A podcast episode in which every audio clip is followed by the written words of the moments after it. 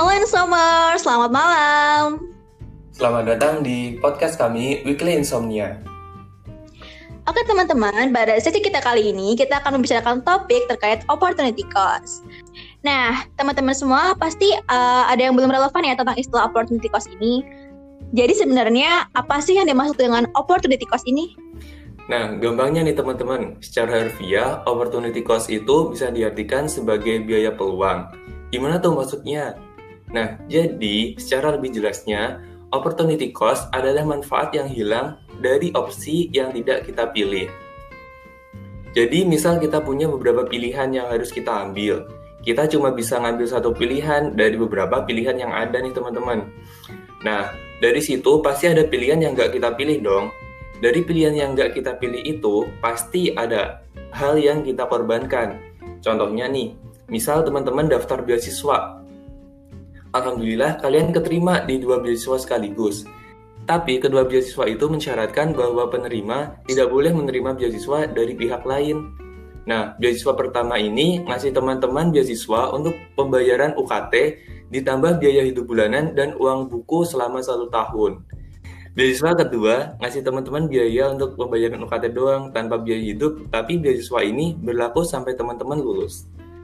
Nah, dari konsep opportunity cost ini, Misal kalian pilih beasiswa pertama, opportunity cost yang harus teman-teman bayar adalah teman-teman nggak dapat beasiswa atau harus cari beasiswa lagi setelah satu tahun. Jika teman-teman menginginkan beasiswa lagi, tapi jika teman-teman pilih beasiswa dua, opportunity cost yang teman-teman tanggung adalah teman-teman nggak dapat biaya bulanan dan uang buku. Sebenarnya, opportunity cost biasa dipakai dalam pertimbangan-pertimbangan ekonomi, tapi bisa juga diaplikasikan ke bidang lain, bahkan ke keseharian kita. Wah, menarik ya sebenarnya opportunity cost ini tuh. Iya nih, kalau buat Shirley sendiri, ada pengalaman nggak terkait opportunity cost yang pernah Shirley ambil? Um, salah satu contohnya mungkin pada saat um, pas masuk kampus ya, jadi waktu SB, pengumuman SBMPTN. Jadi kan dulu kan gap year kan. Sebenarnya aku angkatan 2018, tapi karena aku gap year jadi aku uh, masuk kampus itu tahun 2019. Nah, waktu itu tuh sebenarnya aku udah menyiapkan beberapa planning yang aku pelajari dari kesalahan aku di tahun 2018 kan. Jadi aku sebelum pengumuman SBMPTN itu aku udah keterima uh, di UIN kan di UIN Jogja. Waktu itu karena aku aku ikut ujian UMPTKIN nah waktu itu aku tuh mikir aku mau daftar ulang nggak ya? Aku karena kalau daftar ulang pasti harus bayar UKT dong ya kan? Sedangkan waktu itu tuh batas daftar ulang tuh hari di di mana pengumuman SBMPTN aku semakin bimbang soalnya aku takut kalau misal nggak nggak terima lagi setelahnya. Tapi di sisi lain kayak aku tuh optimis gitu loh bakal keterima. Nah and finally aku mutusin buat ya udah deh kayak nunggu aja sampai detik-detik terakhir istilahnya. Siapa tahu kan keterima kan kayak sayang banget soalnya kalau sampai udah bayar UKT dan hangus gitu loh uh, UKT-nya yang di UIN itu. And finally aku mutusin buat nunggu di hari terakhir daftar ulang. Nah itu kan juga hari pengumuman SBMPTN jadi aku tetap nunggu itu gitu Nah, jadi kalau dari cerita yang Shirley sampaikan itu, uh, opportunity cost yang terjadi adalah antara Shirley memilih untuk dia membayar uh, daftar ulang di UIN atau tidak membayar daftar ulang di UIN. Nah, ketika Shirley tidak memilih untuk daftar ulang di UIN, opportunity cost yang harus ditanggung Shirley adalah rasa tidak tenang jika sewaktu-waktu kemungkinan saat pen, uh, saat pengumuman SBMPTN Shirley tidak diterima di UI uh, kalau yang dapat aku sih aku tangkap kayak gitu iya pasti berat banget sih itu sih Iya, soalnya kayak itu bener-bener di hari terakhir daftar ulang di UIN dan hari pengumuman SBMPTN, jadi kayak bingung juga gitu. Tapi buat jaga-jaga sebenarnya aku juga udah nyiapin syaratnya gitu sih buat daftar ulang di UIN itu. Kayak jadi semisal amit-amitnya waktu itu aku nggak keterima di SBMPTN-nya, aku udah punya syarat-syarat tinggal kayak di-upload di-upload gitu buat daftar ulang dan bayarnya gitu. Nah, bener banget. Uh, dalam menyikapi opportunity cost ini, kita harus punya plan-plan cadangan buat plan-plan backup gimana saat terjadi kemungkinan-kemungkinan terburuk. Nah, sebenarnya itu nggak cuma bisa diaplikasikan di hal-hal yang yang sifatnya uh, penting gitu. Hal-hal yang kurang penting kayak keseharian kita sehari-hari mungkin kita gimana ngatur waktu itu juga bisa kita terapin pakai prinsip opportunity cost. Nah contohnya nih uh, misal aku punya waktu. Aku habis kelas kelar mungkin sekitar jam setengah empat. Aku punya waktu dua jam nih sebelum maghrib kan. Ini waktu kosong nih. Nah di sini aku punya dilema lagi. Waktu dua jam ini aku bakal gunain untuk apa? Nah misal aku punya pilihan buat gunain dua jam ini untuk aku refreshing main game atau mungkin aku bisa gunain waktu dua jam ini buat ngerjain tugas. Nah itu kan dua-duanya punya manfaat buat diri aku kan. Kalau aku ngerjain tugas ya tugas aku bisa kelar kalau aku kalau aku main game otak aku bisa di refresh lagi gitu kan Nah, jadi kalau misal aku pilih pilihan aku gunain dua jam ini untuk main game, ya opportunity cost yang harus aku tanggung adalah pas malamnya waktu istirahat aku bakal kurang dua jam untuk nutupin waktu aku yang aku gunain buat refreshing di sore harinya. Nah, kalau misal aku milih untuk ngerjain tugas di dua jam ini, opportunity cost yang harus aku tanggung adalah dua jam aku nggak bisa refreshing. Padahal dari pagi aku udah belajar udah kelas sampai ya sampai capek gitu. Tapi ya gimana lagi? Itu yang kita sebut opportunity cost.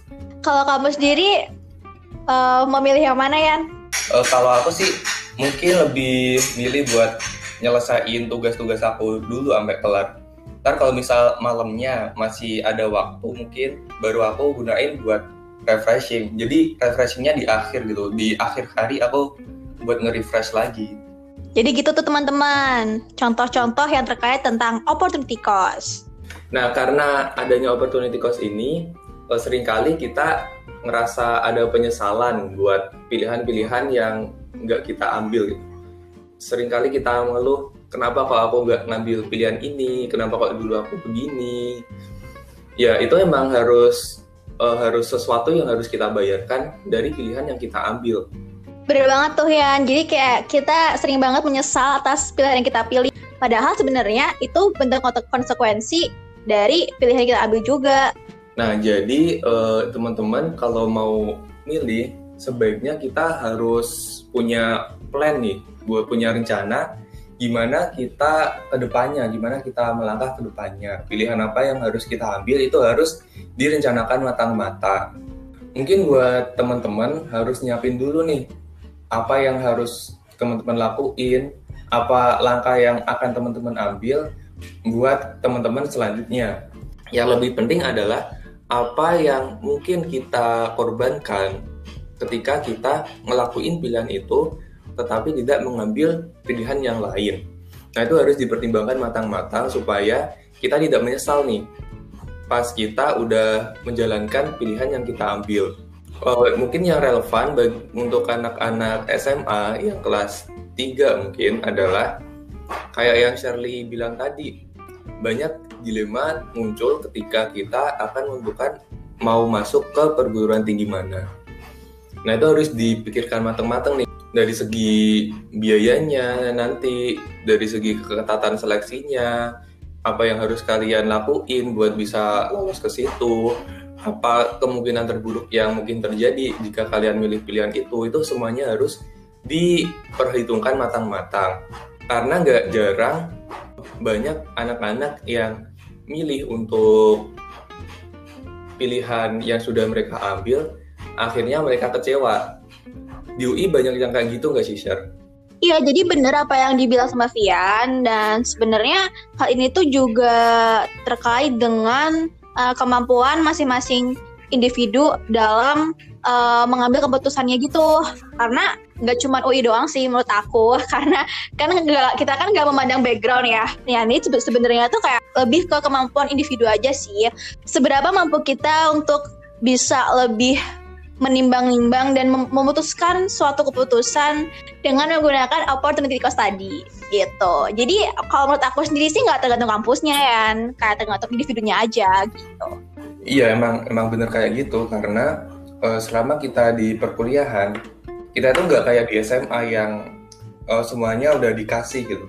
Kalau di perkuliahan ini kita harus nentuin apa yang harus kita ambil sendiri. Jarang banget kita dapat pengarahan. Misalkan kalau kita di SMA dari pihak sekolah, dari pihak guru kan udah nentuin ke depannya kita harus gini. Kalian harus belajar ini di hari ini. Kalian eh, dari tiga tahun SMA ya itu itu doang udah di plan dari awal.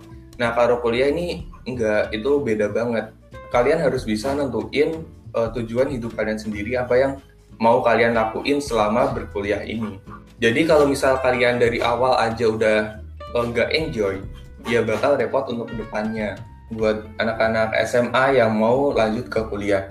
Kalau buat anak-anak kuliah sendiri, uh, ada nggak sih share keseharian kamu yang mungkin berhubungan sama opportunity cost ini? Sering, sering banget. Kita kan pasti uh, ada juga ya orang yang ikut organisasi lebih dari satu gitu kan misalkan nih aku ikut di KSM sama di flag. Kadang tuh mereka juga crash gitu maksudnya kayak jadwalnya bentur gitu kan. Misalkan di hari ini KSM ada krida tapi di sisi lain flag juga ada acara. Nah kayak gitu tuh sebenarnya salah satu bentuk opportunity cost yang lain. Jadi kayak aku harus menentukan sebenarnya aku harus milih di antara KSM atau di flag ya gitu. Susah juga sih sebenarnya kalau dihadapkan dengan pilihan seperti itu ya. Tapi kan namanya orang itu kita selalu dilibatkan dengan pilihan-pilihan hidup kan ya gitu jadi mau nggak mau emang harus milih uh, oh, topik dulu nih Sher uh, kalau boleh tahu KSN sama flag itu apa ya? Jelasin sekilas dulu dong. Apa yang sekarang bukan anak UI ini bisa kamu jelasin nggak KSN sama flag itu yang kayak gimana? Jadi di KSM sendiri, KSM merupakan salah satu unit kegiatan mahasiswa yang ada di UI ya, yang berfokus pada penelitian dan kajian. Nah, kalau Indonesia um, salah satu organisasi di luar UI. Jadi aku ini ikut organisasi di luar UI yang lebih berfokus pada penanaman nilai-nilai anti korupsi kepada anak-anak dan remaja gitu sih sebenarnya. Sibuk banget kamu ya berarti ya di kuliah? Kalau aku sendiri sih sebenarnya ingin lebih menggali potensi diri aja sih kayak aku ikut sesuatu hal yang nantinya akan uh, membantu aku untuk selalu mencari jati diri aku gitu. Jadi kayak aku ikut di KSF, aku ikut di flag gitu, itu salah satu cara aku buat bisa lebih menggali jati diri aku yang sebenarnya. Gitu. Nah iya tuh, kayak di kuliah ini kan kita harus nentuin apa yang baik untuk kita sendiri kan. Kita harus nentuin apa yang akan kita lakuin selama kita menempuh perkuliahan. Kayak Sherly tadi, dia selain uh, sibuk di perkuliahannya sendiri, berkutat dengan tugas-tugas yang ada, berkutat dengan kelas-kelas online selama pandemi, Shirley juga harus membagi waktunya untuk ikut organisasi-organisasi. Nah, itu perlu pertimbangan matang untuk tentuin prioritas. Analisis tentang opportunity cost yang akan terjadi perlu dilakuin biar semuanya nggak terlantar gitu. Uh, Shirley udah nentuin pilihan buat masuk ke UI Sherly udah nentuin pilihan buat sama Flag Indonesia udah nentuin buat ikut itu ya harus bertanggung jawab untuk ketiga ketiga pilihan tersebut tidak terlantar. Jadi seperti yang aku bilang tadi harus ada pertimbangan matang sih. Nah sebenarnya aku juga punya masalah yang serupa kayak gitu. Tapi kan kalau Shirley dia aktifnya di organisasi-organisasi berarti dia lebih ingin membangun skillnya sama hubungan interpersonal kan. Nah, kalau aku sendiri, uh, aku lebih ke kan aku baru tahun pertama kuliah. Kalau Shelly kan udah tahun kedua. Kalau aku lebih mau fokus buat ngembangin diri aku. Maksudnya bukan cuma pengetahuan di jurusan aku kuliah, tapi emang skill-skill baru yang belum aku kuasain atau ingin aku perdalam. Nah itu kan juga butuh waktu kan. Opportunity cost dari waktu tersebut harus aku pertimbangin matang-matang apakah waktu luangku aku bakal buat refreshing atau bakal buat aku belajar hal-hal baru?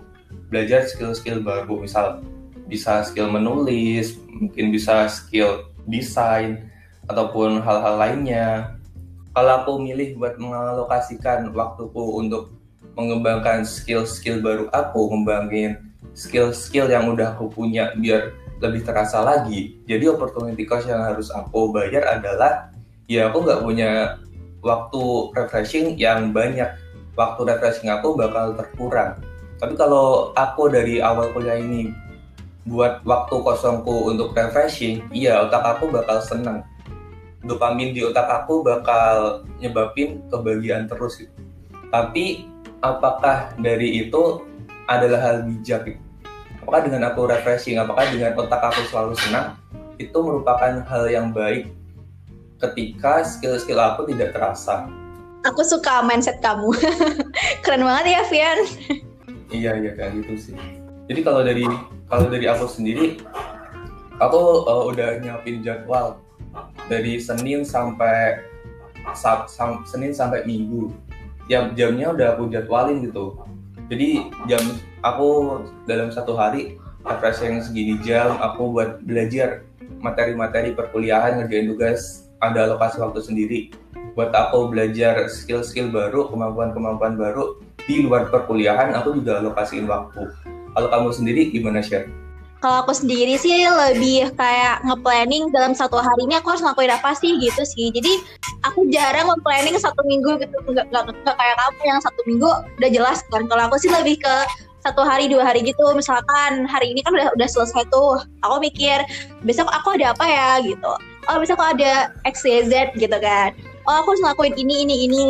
Nah berarti aku uh, bisa nyicil apa ya? Maksudnya kayak misalkan uh, besok itu ada deadline. Oh aku mungkin udah ngerjain kan deadline itu. Tugasnya dari hari-hari lalu udah nyicil lah. Berarti aku hari ini harus ngerjain itu. Sebenarnya kayak lebih ke to do list dalam sehari-hari gitu terus kayak lebih ke skala prioritas juga sih mungkin uh, terkait dengan skala prioritas ini akan kita bahas di podcast yang akan datang.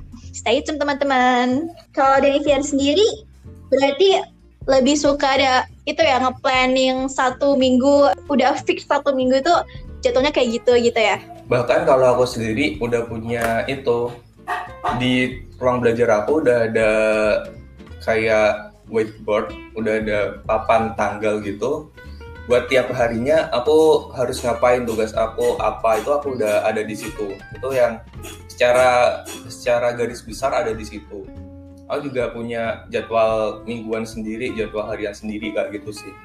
Kalau kayak aku yang planning udah dari jauh-jauh hari udah punya planning seminggu tiap hari tiap jamnya ini harus apa yang aku lakuin itu repotnya kalau ada jadwal-jadwal yang nggak terduga mungkin ada tiba-tiba ada tugas dadakan, mungkin ada kelas yang tiba-tiba dipindah jadwal. Repotnya di situ sih. Kalau Shirley kan nge-planningnya tiap hari, jadi lebih fleksibel gitu. Ya semuanya ada plus minusnya, ada opportunity cost yang harus kita ambil. Betul banget apa kata Vian. Emang kalau dari aku sendiri tuh lebih fleksibel gitu ya. Tapi kadang juga kayak sering kelupaan gitu sih. Ada yang ngemis oh hari ini harusnya juga ada ini loh gitu. Jadi tiba-tiba harus masuk lagi gitu. Ya namanya itu semua masuk ke opportunity cost tadi sih guys. Jadi ya semuanya ada plus minusnya tergantung kita mau pilih yang mana gitu. Oke teman-teman sekiranya mungkin hari ini sampai sini dulu. Um, terima kasih yang sudah mendengarkan kami di Weekly Insomnia. Buat teman-teman semuanya jangan lupa buat tunggu podcast Weekly Insomnia setiap malam minggu jam 8 malam di Spotify. Jangan lupa juga buat follow Instagram Weekly Insomnia di weeklynsomnia.id. Temani insomniamu bersama Weekly Insomnia.